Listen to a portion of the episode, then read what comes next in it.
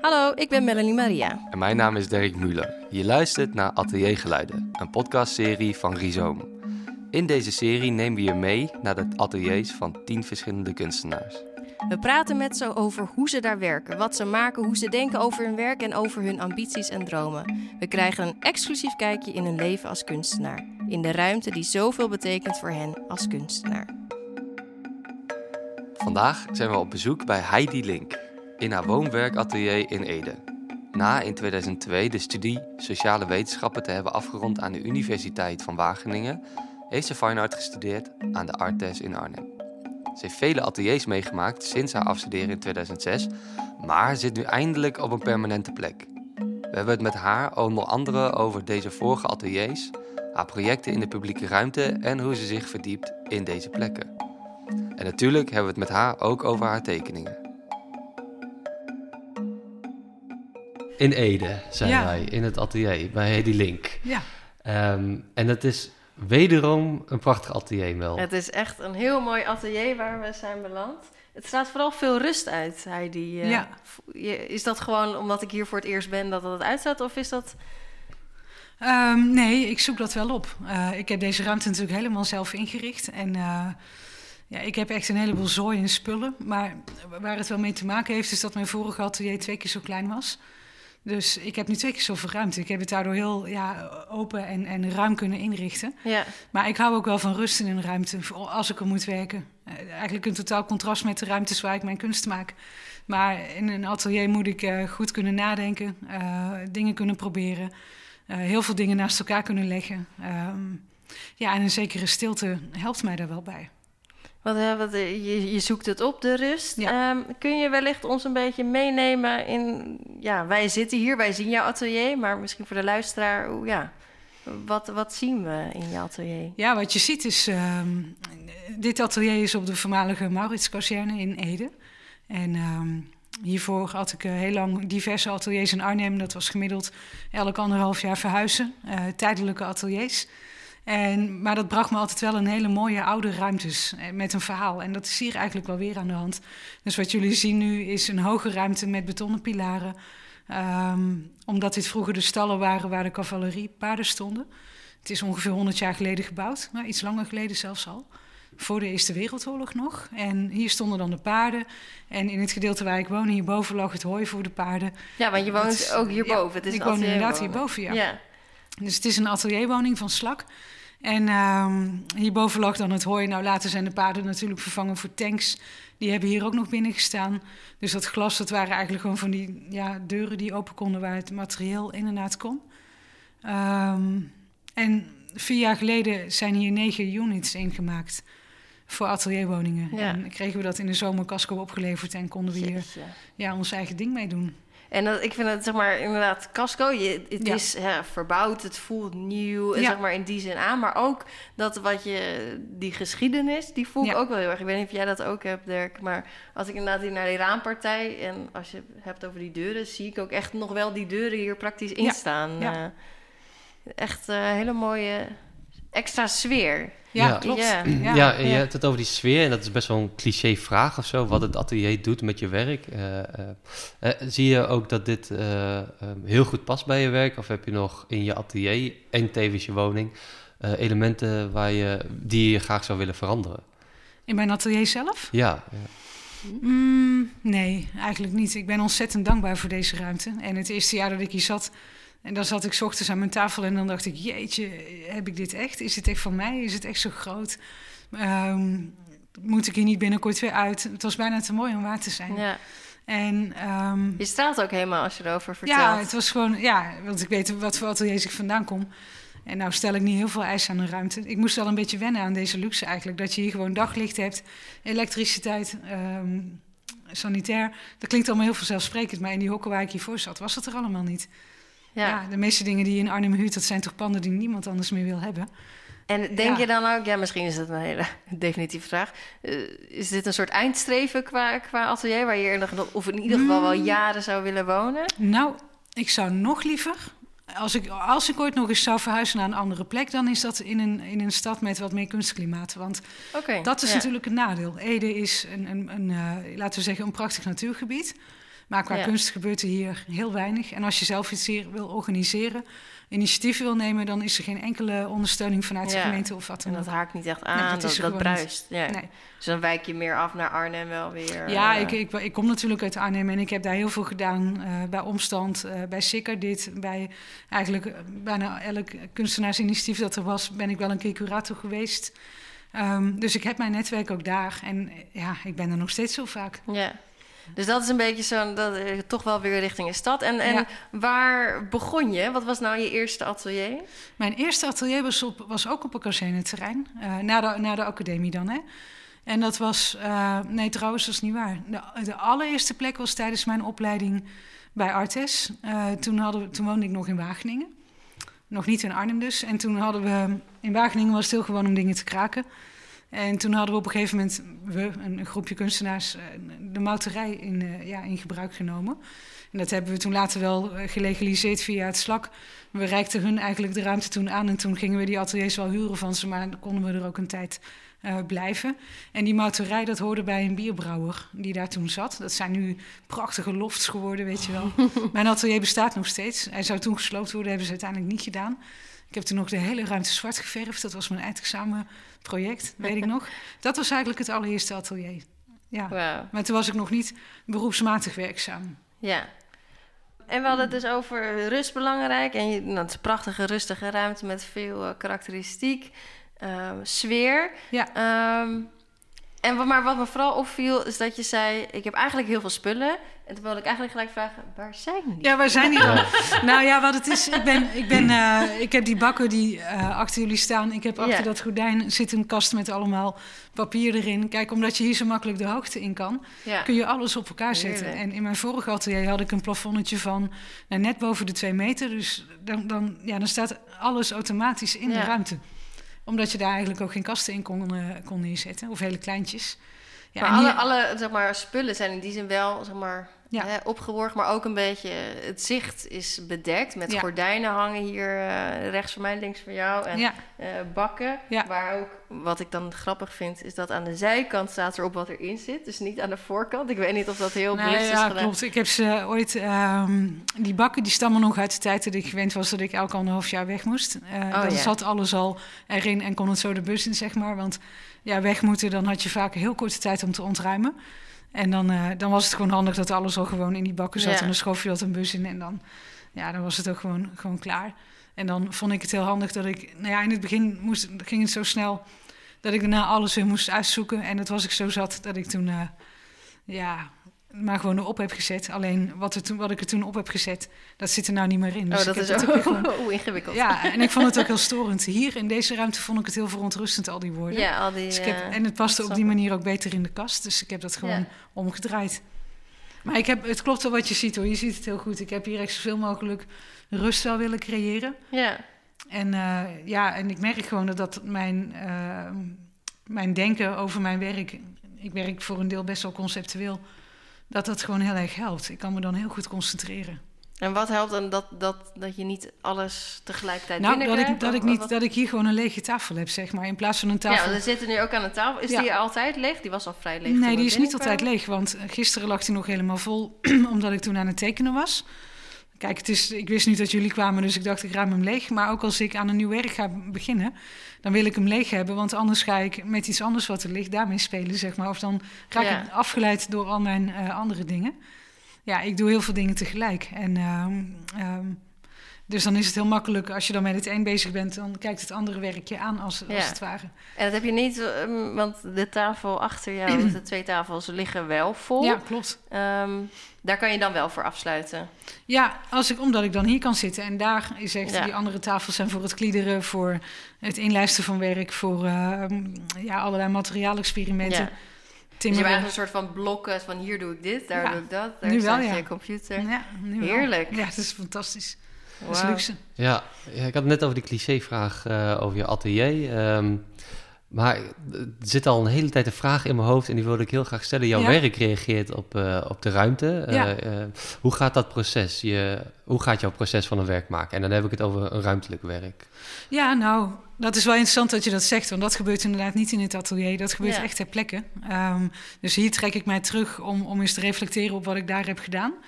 Maar daar, op die plekken, ehm, daar ga ik zo vaak naartoe, daar verblijf ik ook dan. Ik ontwikkel echt een relatie met een plek. En eh, dat kan eruit bestaan dat ik daar echt een langere tijd verblijf... of dat ik er op zijn minst heel vaak naartoe ga.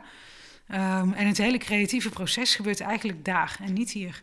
En, dan, en eh, tijdens zo'n proces eh, is dit dan meer je, je, je office, meer je bureau? eh, of hoe gebruik je Mm. deze plek dan?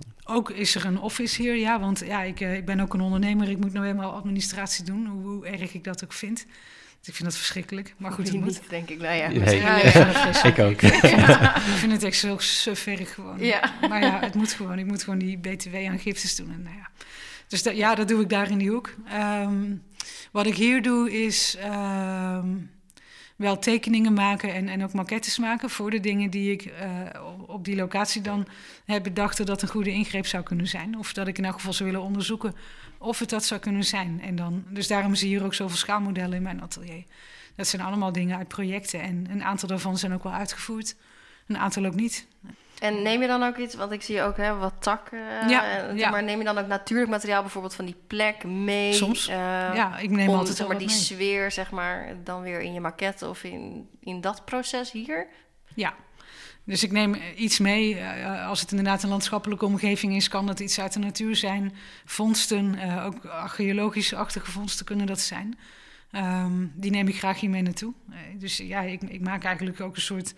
Ja, ik, ik onderzoek de essentie van een plek en soms zit dat inderdaad ook in die vondsten. Maar dat en zit, hoe onderzoek je een essentie van een plek? ja, ehm, nou dat doe ik dus door die relatie met die plek. Het is no- bijna nooit iets wat je, wat ik althans in één keer al zie. Het is meer, elke keer als ik naar een plek toe ga, leer ik er weer iets nieuws over. Een soort dialoog voer je met een plek. Eh, ja, en dat verdiept zich als het ware. Net als wanneer dat je een relatie met een persoon hebt, dat verdiept zich gewoon. Totdat je uiteindelijk wel alles weet over een plek. Maar zolang ik nog nieuwsgierig ben, wil ik er steeds weer naartoe. En niet te snel bedenken wat ik daar ga doen. Want ik heb wel eens dat ik meteen een idee heb, weet je wel. Ja. En daarna, en daarna een, een maand later kan ik dat een volstrekt ja, stom idee vinden. En ben ik heel blij dat ik dat niet gedaan heb. En dat ik toch even heb gewacht met al gelijk invullen van wat Je ik kan je dan wel bedwingen, zeg maar. De- de- Nou, ik, ik noteer dat idee wel. Ik onderzoek het ook wel. Maar ik kom, ja, ik, ja, ik, ik ben een trage kunstenaar. En dat is in deze tijd waarin alles heel snel moet, is dat eh, ja, niet wenselijk. Daar heb ik ook eens gesprekken over met curatoren van tentoonstellingen. Want dan zijn de andere kunstenaars al helemaal klaar met hun plan. En ik zit nog ruimte te onderzoeken. Of ik, ja. Maar dat, hoe langer dat duurt, hoe meer plezier ik er eigenlijk in heb. Ze Ja. vonden dat op de academie al wel een probleem. Dat het heel lang kon duren. Eh, en ik wist donders goed wanneer ik af moest studeren. studeren maar ik had, het voelt zo veilig. Hè? Je maakt een plan en dan ga je dat stap voor stap uitvoeren. Ehm, dan kan je niks meer gebeuren. ja. Ja, Het is een heel veilige manier van werken. We hadden het net al even over die takken. Ja. Is dat de methode hoe je die ruimte ook mee terugneemt eh, naar je atelier? Ja, op allerlei manieren. Het kunnen inderdaad die vondsten zijn. Ook fotografie natuurlijk, notities. ehm, film ook wel, dat ik dingen opneem. Het hangt er een beetje vanaf wat me daar fascineert. Ehm, hier verderop op het terrein staat een hele grote witte bol. Die heet de Stingerbol. Ik heb daar ook een maquette van het ding staan. En daar heb ik ook een werk in gemaakt. Althans, een werk in voorgesteld. Ehm, maar de essentie van mij van die bol ligt ook in wat het doet daar met geluid. Het is daar pikdonker. Je kan alleen op de tas daar, als de deuren dicht zijn, je weg daarin vinden in een, in een, witte, ja, in een, in een bol.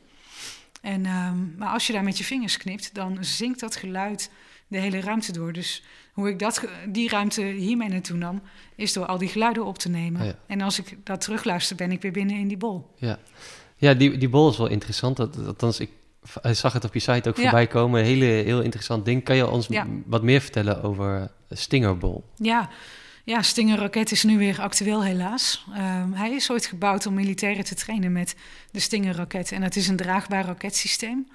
De bol zelf is in de jaren tachtig gebouwd. Ehm, dat was toen nog een heel eh, geavanceerde lesmethode. Er stonden 30 analoge diaprojectoren in en die projecteerden dan vliegtuigen en het landschap en ook de raketten. En ehm, het was de bedoeling dat je dan leerde welke vliegtuigen vijandig waren. En je moest leren mikken met, met, die, uh, ja, met die raketten eigenlijk. Uh, dus we leerden eigenlijk vliegtuigen uit de lucht schieten. Dus uh, zo'n onschuldig gebouw is het in die zin ook niet. Nou, en toen is het later, zijn die diaprojectoren eruit gegaan... is er een digitaal projectiesysteem gekomen met een enorme beamer... met drie lenzen voor de lucht, het landschap en de vliegtuigen. En... Um, maar op een gegeven moment was het ook alweer verouderd en liep de Koude Oorlog ten einde. Toen is het hier ook allemaal uh, ja, opgehouden. En sindsdien staat hij eigenlijk leeg. Dus hij staat nu, ik denk, zo'n 13 jaar leeg of zo. En uh, je hebt een projectvoorstel gedaan en dat is ja. nooit gerealiseerd. Nou ja, ik, uh, de eerste keer dat ik op dit terrein kwam is alweer bijna tien jaar geleden. Toen had ik via Cultuur Oost, of hoe heette ze tegenwoordig? Nog steeds voor Cultuur ja, Oost. ja. Nou, een hele leuke opdracht wel, samen met twee andere kunstenaars, uh, Hans Jongerius en Erik de Leon. Wij werden gevraagd eigenlijk om op dit terrein, wat toen nog een afgesloten gebied was, onderzoek te gaan doen. En voorstellen te doen voor ja, kunst in de openbare ruimte. Dat zou gaan verwijzen naar de militaire historie. Want ze wilden toen, in het aanvankelijke plan, eigenlijk alles wat niet monumentaal was slopen. Ook deze stallen waar we nu zitten. Moesten allemaal weg. Het moest hier eigenlijk een soort Phoenix-locatie worden. Ja, en dan zo'n klassieke vraag aan de kunstenaar. Hè, verzin dan een beeld ja. hè, uh, dat de identiteit van dit gebied verbeeldt. Het is ja, gebiedsmarketing, uh, classic zou ik bijna zeggen. Ja hou ik al helemaal niet van. Ik wilde al vragen, zeg maar, ja. hoe heb je dat? Nou, ik heb, kijk, je moet als kunstenaar altijd proberen om de opdracht te herformuleren. Nee, ja. Ja. iets, en meestal gaan ze daar dan niet mee akkoord. En als ze dat wel doen, dan kan het echt een heel leuk kunstproject worden. Maar ik wist helemaal niet van het bestaan van die stingable af. Maar goed, ik kwam hier dus op het terrein. En de deuren stonden open. Uh, ja, logisch ook, want het was toch nog geen toegankelijk terrein. Dus ik kwam daar binnen en ik dacht, nou, ik heb dit echt nog nooit gezien. En dan kan je wel, ik dacht, ik kan nu wel een beeld verzinnen op dit terrein. Maar ze hebben dat beeld al. Als ze gewoon ja. die bol zouden laten staan en die voor- en die achterdeur open zouden doen, dat het een openbaar toegankelijke sculptuur zou worden, zonder een voorgeschreven functie. Dus zonder dat je zegt, het is voortaan horeca of het is voortaan een museum. Nee. Maar wat ik namelijk, wat ik merk, uh, iedereen die daar binnenkomt, die gaat spontaan wat doen. Door die rare ruimte en door het geluid. Er zijn dus mensen die spontaan gaan zingen. Uh, kinderen vinden het fantastisch. Um, Zo'n effect die... wanneer je ook hè, onder ja. een tunnel loopt, in een tunnel loopt. Ja. Uh, om via de, ja. ja, en we, kijk, we zijn in Nederland gewend om als er iets leeg staat, dan moet er gelijk een andere functie in. Want een gebouw zonder functie, ja, dat, dat kan eigenlijk niet. Ja. En ik denk als je, als je het een kunstwerk noemt, dat het wel degelijk kan. En dat het echt iets van iedereen kan worden. Dat het ook niet per se meer voor militaire doeleinden gebruikt hoeft te worden. Nou, dat is wat ik toen heb voorgesteld. Toen is hij wel, uh, dat, nou ja, hij had toen nog gesloopt moeten worden. Dat is in elk geval nog niet gebeurd. Maar ja, voor de rest, men vindt het nog steeds een heel gek plan, geloof ik, bij de gemeente. Um, plus dat er zoveel mensen nu op die bol azen voor natuurlijk wel commerciële doeleinden. Dat de kans heel klein is dat dit gerealiseerd gaat worden. Maar ik merk wel, dat zeiden ze toen ook, er is wel een hele nieuwe aandacht ontstaan voor die bol en voor andere objecten die op dit terrein stonden. Um, er is uiteindelijk veel minder gesloopt hier dan uiteindelijk dan eerder de bedoeling was. En, want ik had behalve die bol nog wel meer dingen aangewezen waarvan ik zei, dat moet je eigenlijk laten staan ja. en als sculpturen Gewoon integreren laten, in de ja. woonwijk. Ja, en dat heeft het wel bereikt. Maar ik, ik, hoop, ik hoop nog steeds, maar ik kan mij niet voorstellen dat de gemeente ooit gaat zeggen van... oké okay, Heidi, um, we gaan dit doen. We gaan geen geld meer verdienen aan die stingerbol. Het is gewoon een, een object voor heel Ede ja. en omstreken. Ja. Op dit terrein is hij dus en hij is ja. nog toegankelijk. Nee, op dit, moment, ja, op dit moment is hij in handen van een stichting, Sting, uh, Stichting Stingerbol... Ja, en die verhuurt hem geloof ik nu aan mensen die daar wat willen doen. Dus je moet aan hun de sleutel vragen. Ja, helaas. Uh, nou ja, ze staan wel open voor dingen. Ja. Ik, ik, bedoel, ik heb ook met ze samengewerkt in die zin dat ik van de gemeente de ruimte kreeg om naar mijn eigen project een artist in residency te ontwikkelen. Maar ja, dat deed ik in 2020. Ja, met corona dus. Met corona, ik heb er vier ja. kunstenaars in gehad. Die hebben fantastische dingen gedaan. Maar ja, op het laatst mochten wij echt helemaal niemand meer binnenlaten. Um, toen kwam die tweede lockdown eind 2020. Ja. En toen hield het op. Ja. Ja, hoe is dat voor jou geweest? Ook, uh, het is misschien een beetje cli ja, ook cliché, ja, ja, nou, periode. Kijk, mijn praktijk bestaat uit projecten op locatie, maar ook uit dingen die ik hier in mijn atelier maak, voornamelijk werk op papier. Voor dat laatste was het heel goed, want ik had eindelijk weer eens tijd voor mijn atelier, weet je wel. Ik was hier heel vaak, eigenlijk heel vaak, permanent zo'n beetje. Maar alle projecten op locatie, uh, ik herinner mij dat toen in één week tijd mijn hele agenda eigenlijk gewoon werd leeggevaagd. Um, ik raakte mijn betrekking als docent op de HKU kwijt. Dat kwam eigenlijk niet zozeer door corona, want ik had een tijdelijke aanstelling. Maar, en na vier jaar wordt dat gewoon stopgezet. Maar het werd wel een beetje in dezelfde week medegedeeld dat dat dan ook ophield. Dus ik raakte eigenlijk alles wat ik buiten het atelier deed, raakte ik kwijt. Dus ik was deels ook zo in shock dat ik niet gelijk kon zeggen... ah, dan ga ik nou eens lekker tekenen, weet je wel. Of ik ga me eens bezinnen. Want ik ben iemand, als ik moet bezinnen... dan neem ik daar zelf, dan heb ik daar geen crisis voor nodig... om, om daar eens de tijd voor te nemen. Dus op die manier kon ik er helemaal niet mee omgaan. Dus ik had heel veel ruimte, maar het duurde wel even voordat ik dat ook durfde omarmen. Ja, en hoe, hoe heb je dat uiteindelijk kunnen omarmen? Gewoon tijd geven? Was dat rust nemen? Nou, kijk, omdat al mijn opdrachten wegvielen, viel ook mijn inkomen weg. Ik had geen recht op tozo of wat dan ook. Het bestond allemaal wel op papier, maar als je in de praktijk ging aanmelden, dan was het... oh ja, maar je hebt ook een partner of je hebt ook... Uh, ja, ik per ongeluk kwam er net een verzamelaar langs, die kocht gelijk drie werken. Nou, dan had je meer dan zoveel geld verdiend, dus dan kon je ook niks meer. Ja, en ik was die verzamelaar hartstikke dankbaar, maar ja... Um, was net even ongunstig. Was net even drie maanden eerder gekomen. Ja. ja. Dus ik maakte me wel zorgen, ja. Want je kunt wel zeggen, je hebt ook een partner. Maar ja, moet hij dan opdraaien voor dat ik hier een duur atelier heb? En uh, ja... Dus ik wilde eigenlijk eerst zorgen dat ik weer inkomen had. En toen kreeg ik een, een onderzoeksopdracht. Uh, ik doe als kunstenaar sowieso veel onderzoek in het landschap. En dat onderzoek, dat, dat liep al wel een beetje. Dat kon gelukkig wel doorgaan. Dus ik heb dankzij dat onderzoek, uh, het was niet dat je daar heel veel mee verdiende, maar het was wel een soort basisinkomen.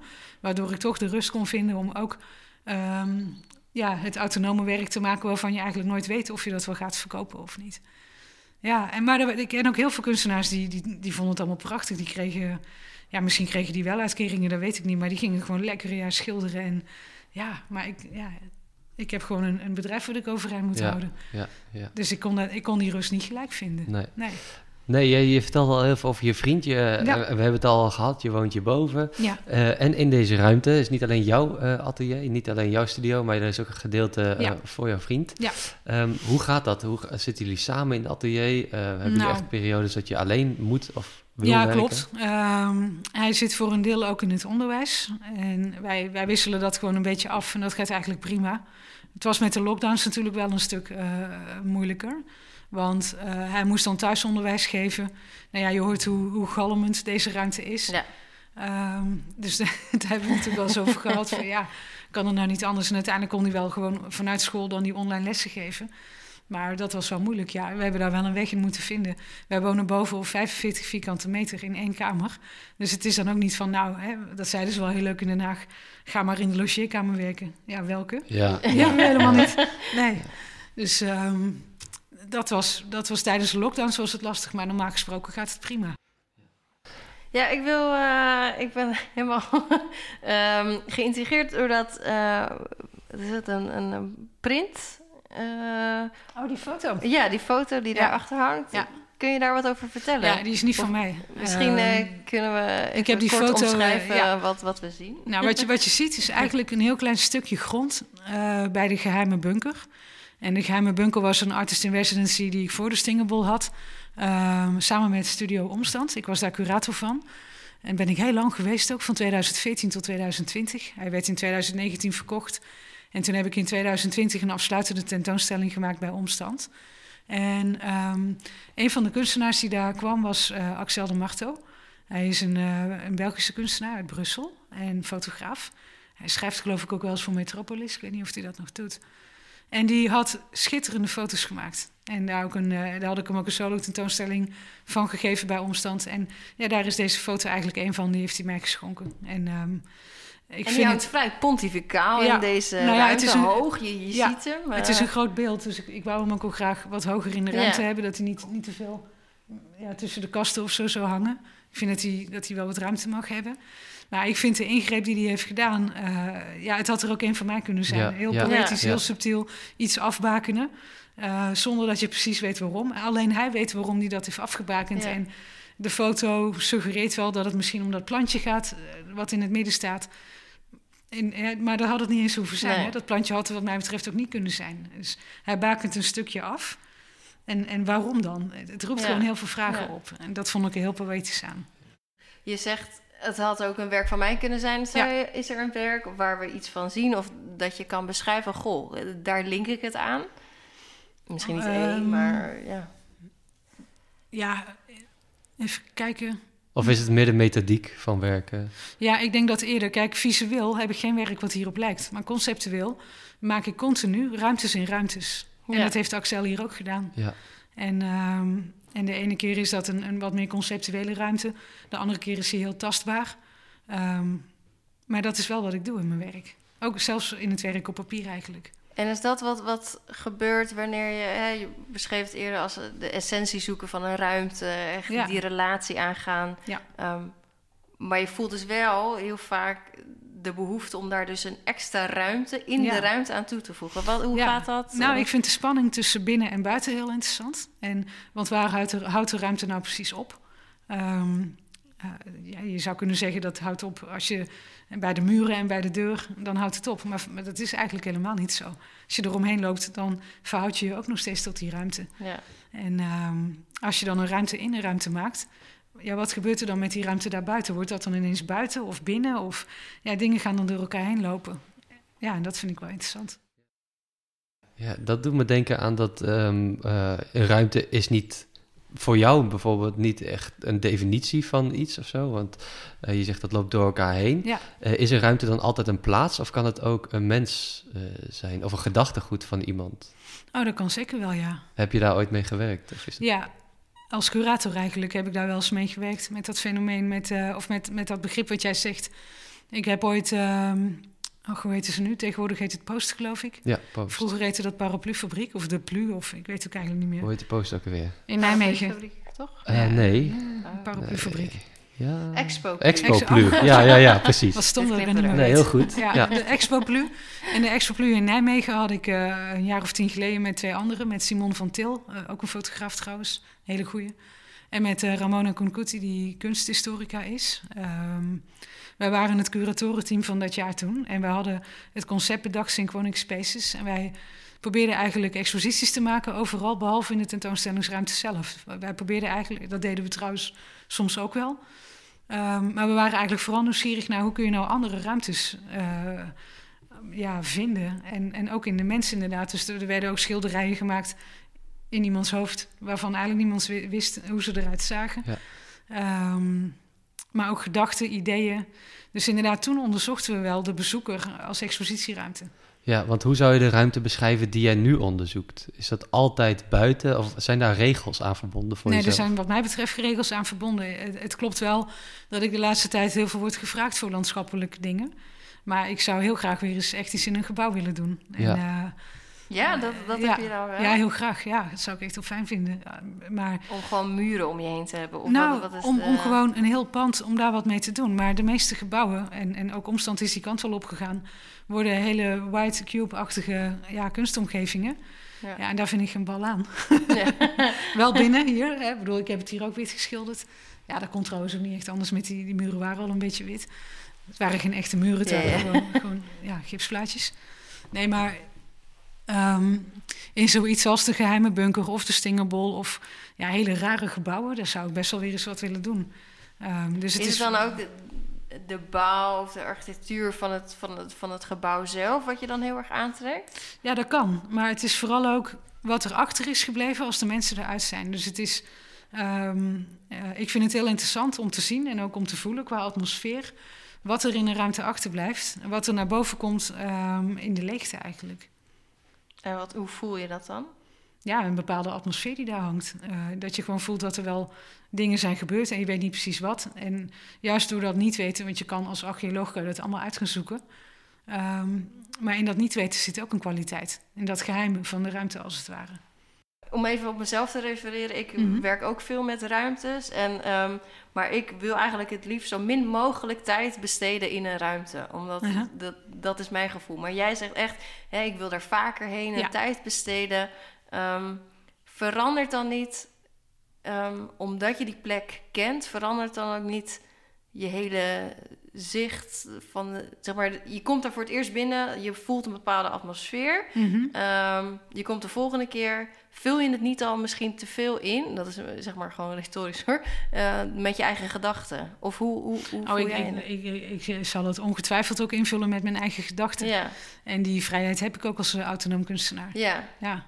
Dat is juist iets wat je ja. daarin dus, ja, eigenlijk dus, graag een beetje regisseert. Ja. Of hoe... Dus daarom noem ik het ook een relatie in dialoog. Het gaat niet alleen maar om die ruimte, het gaat ook om Ja. mij. En, en in, die, in die interactie gebeurt er wat. Dus dat gebouw geeft wat aan mij. En ik geef ook iets van mijzelf aan dat gebouw. Ja. Ja. En dat is natuurlijk ook de heel erg de sfeer waar jij je op dat moment in begeeft. Ja. Ehm, controleer je dat? Want we hadden het net even over regels. Regels stellen voor jezelf. Wat is een ruimte? Dat, Mm. dat had je niet echt. Heb jij, voordat je naar een plek gaat of als je bij een plek bent... eh, je neemt wel video's mee, terug naar je atelier, je maakt Ja. foto's, eh, teksten. Ehm, heb je bepaalde regels als je naar een plek gaat? Iets wat je altijd uitvoert om in een bepaalde concentratie te komen? Hmm. En het hoeft niet Nou, alleen bij, bij, die, bij een plek eh, extern te zijn, maar kan ook hier in je atelier zijn. Ja, dat vind ik een moeilijke. Omdat het... Het is op elke plek weer anders wat er gebeurt. Ik denk wel dat... va- eh, een vaste prik is wel dat ik vaker dan één keer daar naartoe ga. En, en eigenlijk... ehm, eh, nou, ook wel als ik geen zin heb om er naartoe terug te gaan... dan klopt er iets niet. Ah ja, Dan, eh, want je krijgt ook wel eens een plek toegewezen. Eh, Ja. Of je wordt gevraagd voor een project dat zich afspeelt op een locatie... waarvan je denkt, ja, Ja. en wat moet ik hier? en, eh, of dat het juist zo mooi is... dat ik, dat ik er als kunstenaar niet door geïnspireerd raak. Want dat heb ik ook Ja. wel gemerkt. Dat een plek die mooi is, hoeft niet per se inspirerend te zijn. Nee. En, ehm, en dan probeer ik het wel hoor, dan ga ik vaker terug. Maar als het dan niet komt, ja, dan is het er gewoon niet. Dan kun je wel ontzettend gaan zoeken. En wat doe je dan? dan nou, dan... Ik, heb dat, ik heb dat nu bijvoorbeeld een beetje aan de hand. Ik ga dit jaar meedoen aan de Palts Biennale. En de Palts is een prachtig landgoed in Soest. Van eh, ja, ook iemand die kunstenaar is. En die, die woont daar met haar man. Ja, het is zo mooi dat het bijna ondankbaar voelde voor mij... om na een aantal pogingen te constateren... dat ik me niet door de plek zelf geïnspireerd voelde. Ook al heeft het een paar prachtige plekken... waar wat je er ook plaatst prachtig uit zal komen. Het is een mooi bos, het is verstild en met mos. En ja, prachtig. Maar afgelopen weekend hadden we daar een kunstenaarsweekend... waarin iedereen zijn plannen moest vertellen... Ja, en ik liet een plan zien waarvan ik dacht, nou, dit ga ik waarschijnlijk toch niet doen. maar wij gingen dat weekend ook wandelen op de vliegbasis die daarnaast ligt, vliegbasis Soesterberg.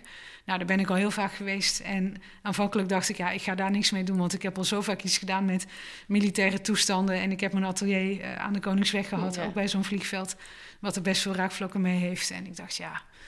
Maar ja, een paar dagen daarvoor was natuurlijk de oorlog in Oekraïne afge, eh, uitgebroken. En ineens was dat onschuldige vliegveld voor mij niet meer zo onschuldig. Het was ineens, ineens was heel die plek weer geactiveerd. En tijdens die wandeling kwamen al die bunkers en al die start- en landingsbanen en al dat oorlogsgeweld wat daar staat. Was ineens, voorheen was het van, ja, dat, dat is waar eenmaal, dat gebeurt niet meer. Ja, ja. Ineens was het helemaal getransformeerd. Zonder dat er qua vorm wat veranderd was aan die plek, Ja. was het in één keer weer van: het ligt zo dicht bij elkaar. Die vredigheid op dat landgoed en die oorlog die daarnaast ligt, is eigenlijk precies Ja. waar we ons nu in bevinden. En ehm, En is dat dan ook niet wat je wellicht onbewust, maar bewust meeneemt, hè? Wat, wat in de maatschappij afspeelt, of wat om je heen persoonlijk wellicht eh, afspeelt? Ja, dat denk een ik beetje wel. ook waar Dirk het net over had. ja, Ja, dan denk je ik wel dat dat meeneemt, meespeelt. eh, ja. Dus ik, ik heb toen aan de curatoren maandag na dat weekend voorgesteld van ehm, ik ga opnieuw beginnen en ik ga een link met, met, die, met die vliegbasis. ehm, van daaruit ga ik werken. Dus ik ga overal onderzoek doen om de pals heen, op dat vliegveld, maar niet meer op het terrein zelf, want dat, dat heb ik nu al gezien. En ik dacht eerst, eh, een van de curatoren is ook die kunstenaar van wie dat landgoed is. Ik dacht, nou, die gaat dat niet fijn vinden. Maar ze begreep het volkomen. Wauw. Dus dat vond ik wel heel fijn. Ja. Ja. super. En, en wat, om nog even terug te gaan over hè, dat mooie landschap eh, eh, daar, is dat dan gewoon omdat het niet meer dat rauwe gevoel heeft? Waarin Ja, ik denk dat ik wel had? altijd wel een beetje op zoek ben naar de raffelranden van Ja. een stad of van een landschap. En ja, dit is het tegenovergestelde daarvan. Het is heel mooi, bijna echt een sprookjesbos wat ze daar heeft. Een soort Garden of Eden. Ja. eh, Ja, bijna wel, ja. Met een waterval. En, ehm, maar dan ook weer niet zo kitscherig ingericht dat het, dat het weer de andere Mhm. kant uitslaat. Zo radicaal Zo raar is het nou ook weer niet, want dan had, je daar misschien nog wel, uh, had ik daar misschien nog wel iets mee ja, kunnen dat doen. Ja, dat wilde ik eigenlijk als volgende vraag stellen. Zou je dan niet juist een soort radicaliserend daarop uh, willen reageren? Ja. Maar... Nou, daar heb ik wel even overwogen, maar ik vond het toch een beetje... Ja, daar vond ik het net niet... Daar vond ik het ook weer niet gek genoeg voor daar. Je hebt ze vast wel. Kijk, als het, als het de Efteling was, weet je wel... Maar zo'n landgoed is het nou ook weer niet. Het is echt wel met een visie ingericht en ja, gewoon heel erg mooi. En daardoor dacht ik aanvankelijk ook van, nou, dat is echt een plek voor mij. Ja. Het is zo mooi. Um, maar ik heb nu wel ingezien dat ik eigenlijk pas ja op een project moet zeggen uh, als ik er echt geweest ben. En bij Ja. dit project was het zo, als je dan op de kennismaking kwam, werd je ook geacht daarmee je deelname te bevestigen. En dat zal ik niet meer doen. Nee, nee. Nee. Want dit is dan allemaal op project. Je wordt hiervoor gevraagd. En Ja. we hadden het al eerder over projectvoorstel. Ehm, ga je ook zelf naar een plek toe of kom je wel eens plekken tegen? Ja, zo gaat het meestal. Ja, Ja, kijk, die stingerbol is daar een voorbeeld van. ja, Ehm, en ehm, nee, meestal zijn het plekken die ik onderweg tegenkom eh, als ik eigenlijk naar iets anders naar op zoek ben. En dan ga ik daarmee aan de slag. Maar inderdaad, als je wordt gevraagd of je krijgt een opdracht, ja, dan ligt de locatie vaak al helemaal vast. ja. Ja, Ik werk zelf veel met eh, sculpturen die al, of eh, met materialen die al bestaan. Denk aan bijvoorbeeld bier, bierblikken, maar ook een klok. eh. en ik zie ook wel ergens een gelijkenis met het heel lang aandacht hebben voor die plek of plaats of uitzoeken wat erin zit. Ik Ja. doe dat in de materialen. Ehm, en ik heb een keer gewerkt tijdens een project met, met eh, keramiek, met klei. Mhm. En dat is natuurlijk een heel ander iets dan een bestaand materiaal. Althans, eh, die historie, die moet jij in die klei brengen. Die moet je er zelf indrukken. Oh, zo ja. Ehm, ehm, dus ik zat te denken, zou jij een ideale situatie voor jezelf kunnen scheppen? Of moet het er zijn? Want je, eh, je tekent ook, en dat Ja. is misschien ook een beetje waar ik heen wil. Mhm. Ehm, wat jouw ruimtelijke werk te maken heeft met de tekeningen en andersom. Mhm. Uh, maar zou jij zo'n ruimte voor jezelf kunnen scheppen? Eh, en je mag dan alles erbij bedenken, dus ook historie en zo. Eh, nou, ik doe, eh, het zijn eigenlijk twee vragen die ik nou hoor. Eh, wat mijn tekeningen met mijn ruimtelijke werken te maken hebben, is dat zij nooit een schets zijn voor installaties. Ik, ik maak ook eigenlijk nooit schetsen, want ik probeer het daar gewoon te plekken uit. Ik maak soms maquettes omdat het moet, of omdat het ja, mij helpt in het denken. Ehm, maar mijn tekeningen zijn nooit schetsen voor installaties. Wat het wel zijn, is dat het vaak ja, eigenlijk ook een soort interventies in een ruimte zijn. En, ehm, eh, maar dan, ja, een, een, een ruimte op papier is iets heel anders dan een ruimte waar je in kan. En dat is ook tweedimensionaal natuurlijk. En er is wel een ontwikkeling gaande in die tekeningen dat het steeds meer. eh, vroeger waren het echt verbeelde ruimtes, bestaande ruimtes. En nu gaat het steeds meer over naar hoe kun je nou tweedimensionaal een ruimte hebben. En wat is het dan voor een ruimte en wat zijn dan de interventies die je daarin kan doen? Ehm, dus eh, ja, conceptueel is het eigenlijk hetzelfde, maar het krijgt gewoon een uitwerking in een heel ander medium. En daar bovenop komt wel de vrijheid die ik heb in het tekenen, dat daar altijd alles kan. Hè? Want als je iets op een tekenveld doet, heb je daar geen vergunning voor nodig. En de dingen die ik nou in het landschap doe en soms ook in gebouwen, dat zijn soms zulke, ja, het zijn altijd wel, hoe, hoe vervallen ook, het zijn altijd wel rijksmonumenten of het zijn beschermde natuurgebieden. Ik moet altijd hele lange vergunningtrajecten doorlopen. Ehm, en dat is letterlijk een rem op het werk, want in die tijd kun je er helemaal niks. En in het tekenen Ja. kan ik altijd, wanneer ik maar wil en wat ik maar wil, gewoon doen. En het is ook niet erg als het kapot gaat of als het mislukt. Ehm, dus die vrijheid helpt Is dat mij. ook een beetje een drijfveer Ja. voor, voor je tekeningen? Dus om, om niet inderdaad hè, door die... Bureaucratie te Ja. gaan. Ja, dat, Ja. dat. En ik, ik kan daarmee een, een snelheid in mijn denken brengen... die mij ook weer helpt in het ruimtelijke werk. De, want in die tekeningen kom ik soms op ideeën... Die, mij, eh, die ik dan ook weer in de ruimte zou kunnen doen. Zonder, niet in de vorm van schetsen of zo... maar meer van wat ik dan durf in de tekeningen... durf ik dan ook wel in een ruimte te doen. Terwijl ik dat daarvoor niet eens had kunnen bedenken... dat ik dat zou gaan doen. Ik bedoel, ik heb ooit... ehm, eh, in, een, in, een, in een bunkerboerderij. Dat lijkt een beetje op waar we nu in zitten. Maar dat waren echt wel bunkers. Die zijn ja, een beetje vermomd als boerderijen. Een keer ehm 36 boomstammen via de ramen naar binnen gedaan. Zwart geschilderd met inkt. Ja, en dat, dat durfde ik omdat ik toen ook een tekening had gemaakt. Niet, niet, niet daarvan eigenlijk, maar wel... dan zet je heel makkelijk gewoon strepen door een ruimte.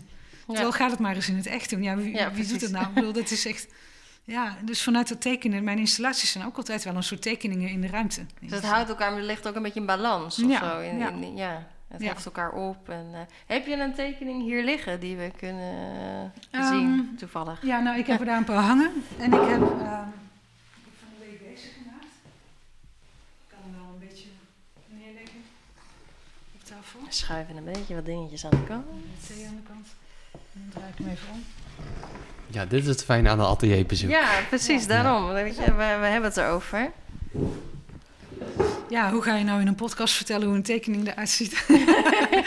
nou, in elk geval goed donker. Um, en um, nou, ik vind het wel interessant om deze te laten zien, want, want ik, ik wissel de laatste tijd uh, in mijn tekeningen het, het, wel en niet iets toevoegen aan de ruimte met elkaar af. En dat is ook iets, iets wat wel in mijn uh, ruimtelijke projecten aan de gang is. Continu die vraag van, moet je nou wel ingrijpen of niet? Um, ja. Kijk, een architect doet dat, want daar wordt hij voor gevraagd. En ik heb echt wel heel veel interesse voor architectuur. Maar een architect die gaat van een ruimte gaat hij een plaats maken. En daarmee bedoel ik uh, dat je er functies aan toekent of mogelijkheden ja. voor gebruik aan, aan toekent. En uh, ik kwam de laatste, laatste week tot het inzicht dat ik eigenlijk meer geïnteresseerd ben in andersom. Dat je de functies er weer uithaalt. En dan, ja, die drie die daar hangen, daar zitten helemaal niet van dit soort objecten in. En bij deze zit dat er weer wel in. Gewoon omdat ik het wilde proberen. En ik vind ook niet, als ik het daar niet meer in doe, dat ik het nooit meer mag doen. Ik vind het juist wel interessant om er een beetje in af te wisselen. De ene keer voeg ik wel een object toe en de andere keer haal ik er juist dingen uit weg. En dan lijkt het alsof ik helemaal niks heb gedaan als kunstenaar. Maar ik vind het weghalen van dingen, uh, het ongedaan maken van dingen, uh, ja, is het tegenovergestelde van, van maken misschien wel. Maar toch is het niet minder kunst uh, maken voor mij. Dus ik denk dus meer in interventies dan in sculpturen in die zin. Want als ik sculpturen zou maken, dan denk je altijd aan, aan, sculpturen maken en neerzetten, objecten van buitenaf in een ruimte brengen. En het weghalen daarvan, uh, dat zijn interventies. En daar ben ik eigenlijk meer in geïnteresseerd. Nog even wat we hier op tafel zien liggen is inderdaad een, uh, je, je noemt het tekening zelf? Ja. Tekening. Ja. En het is inkt, verf? Het is uh, waterverf in dit waterverf. geval. En ja, ik werk ook wel met inkt. Uh, ik werk eigenlijk heel graag met, met zwart. En helemaal in het begin was het altijd Oost-Indische inkt in ook altijd dezelfde manier. Um, maar op een gegeven moment dacht ik, waarom zou ik me beperken tot één handschrift en één materiaal, terwijl je zoveel soorten zwart hebt. En uh, ja. ja. dus nu bedien ik me eigenlijk van allerlei zwarte pigmenten. Een vel en daar zit dan uh, die, die inkt op, uh, zwarte achtergrond, lichte strepen, streken en een, een vierkant diagonaal geplaatst. En dat Ja. zien we daar dus op de muur niet. Nee. Ehm, zit daar ook een tijd tussen. Dus eh, eh, die achtergrond komt veel overeen met de, de werken die aan de muur hangen. Eh, duurt het dan ook lang? Je zei net dat het eh, je werk maken, het proces duurt lang, langzame eh, werkproces. Ehm, is dit dan ook eh, het maken van zo'n tekening een proces waar je de tekening weglegt eh, en later weer aan begint? Ja, in dit geval is dat wel zo geweest, ja, want deze achtergrond is in dezelfde tijd ongeveer ontstaan als, als deze. Wel die middelste blauwe, die is alweer bijna twee jaar oud. Die aan de muur hangen, Ja. ja. ja. Ja, blauw, het is eigenlijk Payne's Grey, maar dat ziet er een beetje blauw uit. En die andere twee zijn wat recenter. Ehm, en deze, die achtergrond, die had ik al. Maar ik vond hem ruimtelijk, eh, ik vond het nog geen ruimte. Ik vind als je zo'n achter, zo'n bij die andere is er geen achtergrond en voorgrond. Is dat gewoon eigenlijk één ruimte geworden. En ja, ik wil met mijn werk toch heel graag mensen aanzetten om een ruimte te gaan verkennen, om daar echt in te gaan. Ook in de tekeningen. En daarom vond ik van die dat ze niks meer nodig hadden. En bij deze vond ik eigenlijk van wel. En, eh, of die, die verleidde mij ertoe om toch ehm, ja, een, een vertaling van iets wat ik in de stad had gezien, om dat als abstract object toe te voegen aan het werk. Nou ja, ja, ja. ja, het is ongelooflijk mooi werk. Het is echt Oh, eh, ook, hoe je praat over Ja. ruimte en niet de ruimte, eh, al die lagen en die andere manier van denken. Mhm. Eh, het zit gewoon heel erg in het werk, maar je, ja, je praat ook op een hele mooie en manier ook. Dus dat, is, Dankjewel. dat is heel goed. We zitten, we zitten ook al bijna aan de tijd, Jo. dus ja, we zijn, we zijn goed bezig. Eh, ik weet niet, Mel, heb jij nog een vraag? Eh, Want anders... Nee, nou ja, wat ik grappig vind, of grappig, eh, wat gebeurt. Het gebeurt dus werkelijk wat eh, jij net benoemt. Ik blijf maar heel gek genoeg soort van met mijn ogen manieren vinden hoe ik eh, in het vierkant, in, zeg maar, kan komen. Mm. En ik ben mezelf eigenlijk de hele tijd aan het afvragen waarom dat gebeurt bij deze tekening. Ja. Ehm, dus dat, die zoektocht, die ik zelf ook, misschien is het ook een beetje een soort van les of een, een ervaring voor mezelf. Ik, ik, ervaar dat eigenlijk vrijwel alleen maar fysiek in een ruimte, omdat ik fysiek. Mhm. Ehm, dus ik, ja, ik vraag me af waardoor het komt. Of het, het zijn vrij harde lijnen, hè, dit vierkant. Uh, word ik daardoor getrokken om, om dat te gaan zoeken? Maar ook de achtergrond uh, door. Uh, um, is een beetje wazig en het, onscherp, het scherp onscherp.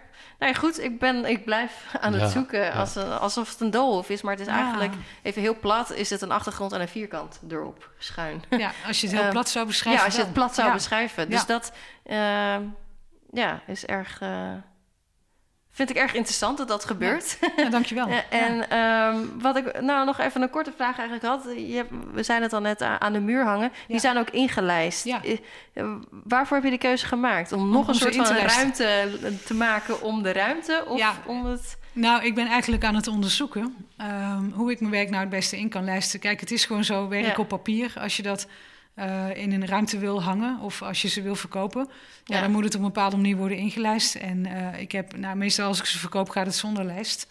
Want ik vind, je moet dat eigenlijk door een professionele inlijster laten doen. Ik kan het wel een beetje, zoals je ziet, maar een echte inlijster die, die kan het veel netter en beter. Ik kan het gewoon niet hebben dat ik nog een pluisje in, in die lijst zie zitten. Ja.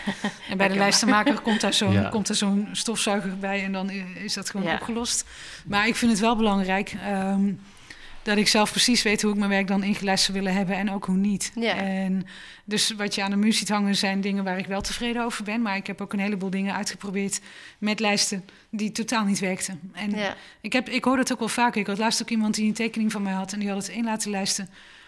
En, en die was totaal niet tevreden. Dat, die lijst oh. ging heel erg concurrentie aan met het beeld. Ja, en, ja, het is heel moeilijk. Het is, um, dus en zou je dan wellicht een soort van... Uh how-to inlijsten. Nou, ik kan, ik kan me wel in mijn atelier wat voorbeelden laten zien van wat het effect kan zijn. En kijk, een goede inlijster neemt daar ook wel die tijd voor. Maar ik kan me heel goed voorstellen als iemand een werk van mij bezit, dat hij ook wil weten hoe zou de kunstenaar het zelf ingelijst willen hebben. Hoe komt volgens de kunstenaar zelf het werk het beste tot uitdrukking? Uh, en ja, ik vind het ook wel interessant um, wat zo'n inlijsting dan doet. Ja. Um, ja. ja, het wordt ook hè, vrij klassiek door, door het ja. in te lijsten. Ja. Uh, tevens ja, kan je het ook zien als je het hebt over ruimte, een, nieuwe ruimte. Um, Klopt. Uh, ja, het is een. Uh, heb, heb, is, is dit de, de gouden ticket? zeg maar, is dit je ideaal of, of ben je nog in die zoektocht? Ik moet eerlijk zeggen, het ideaal is dat er helemaal geen lijst omheen hoeft. Dat hij gewoon vrij in de ruimte kan hangen. Want dan is het de ruimte voor mijn tekening in de ruimte van de, van de persoon, als het ware. Dat vind ik het mooiste. En dan zou ik misschien maar eens op paneel moeten gaan werken. Alleen wat die pigmenten op papier doen, dat kun je niet even naar met een laag gesso. Dat heb ik wel geprobeerd namelijk. En ik, ja, ik vind papier gewoon echt het allermooiste. Dus in dat geval zoek je naar een zo neutraal mogelijke lijst. Die aan de andere kant kan ik me namelijk ook wel voorstellen... als er al heel veel andere dingen aan de muur hangen... Dat je ook een soort van afbaar... Dat hij toch een beetje zijn eigen ruimte heeft. Hè? Want kijk, idealiter hangt het dan aan een muur met niks anders eromheen. Ik hang mijn werk, ja, oké, hier atelier hangen er meerdere naast elkaar. Maar het beste is gewoon als hij zijn eigen muur heeft. En, maar ja, in welke exposities kun je dat nou voor elkaar krijgen? Ja. Bedoel, ga eens naar een kunstbeurs toe, dat ziet er gewoon niet uit hoe die werken daar gepresenteerd worden. Nee, dat is... Het is gewoon verschrikkelijk, maar dat is handelswaarde, dat is iets anders. Ja. ja. Ja, dat doet een beetje afbreuk aan hetgeen waar we net uh, over hebben gepraat, inderdaad. Eén vraag die mij nog uh, niet dwars zat. We hadden het over de, uh, of die luchtmachtbasis. Uh, oh ja, in Soesterberg. ja. ja. Uh, en je vertelde over dat dan die oorlog in Oekraïne is. Mm -hmm. dat is dus, daar komt een mens dan ook weer een soort van, ja. die gaat weer bezig met die ruimte waar jij eigenlijk je zinnen op had gezet. die mens moet altijd volledig weg zijn. Nou, hoeft niet per se hoor. Maar um, ik heb eigenlijk nog nooit meegemaakt in mijn oeuvre dat uh, zo'n vliegbasis of een andere ruimte die weliswaar met een heel duidelijke functie is gebouwd. En daarna gaat die functie weg. Dat die functie nou ineens weer wordt teruggepakt. Nou is dat in Soesterberg ook niet aan de orde. Ik bedoel, daar worden gewoon, net als hier, wordt daar gewoon een woonwijk gebouwd. En ik geloof dat daar, ja, er zijn nog wel wat militaire functies. Maar ik kan mij niet voorstellen dat het weer echt zo operationeel wordt als dat het, dat het was. Um, maar door wat er nu gaande is in de wereld, ja, is er toch iets op die plek veranderd voor mijn gevoel. Toen ik daar toen was, de mensen, de soldaten waren nog niet terug. Maar dat beton leek wel een soort van ja, iets uit te stralen. Of een soort, bijna een soort geluid uit te stralen. Ik weet niet hoe ik het moet, moet omschrijven, maar het was niet meer stil. Ja. dat is het eigenlijk. En ja, dit is natuurlijk jouw observatie en ja. precies hoe jij werkt. Ja, eigenlijk wel, ja. ja super mooi. Ja, zeker. Ja, ik, ik, ben er stil voor. het is helemaal rond. Dankjewel, ja. uh, dankjewel Heidi voor je tijd. Graag gedaan. en je prachtige verhaal en je werk uiteraard. Ja, zeker. Ja, leuk. Jullie ook bedankt voor jullie vragen. Ik hoop snel uh, in het echte beleven. Weer in het Volgens mij is het ja, hè, een belevenis. Zeker weten, zeker weten. Dat is inderdaad wel het beste, ja. ja. Ter plekke te, te ervaren. Ja, ja. dankjewel. Je luisterde naar Ateliergeluiden, een podcast van Rizo. Deze podcast wordt mede mogelijk gemaakt door de ondersteuning van gemeente Arnhem. Aan deze podcast werkten mee voor het interview Melanie Maria en Dirk Muller. De annotaties werden gedaan door Joris Broekhoven en Robin Speyer. De montage, het mixen en het masteren door James de Jong, Jascha Mostert. De in- en outro muziek is van Annabel Schouten en de cover-illustratie werd gemaakt door Gemma Oosterhof. Voor meer informatie over Rhizoom ga je naar rhizoom.art. En als je deze podcast leuk vond, laat dan een beoordeling achter in je podcast-app.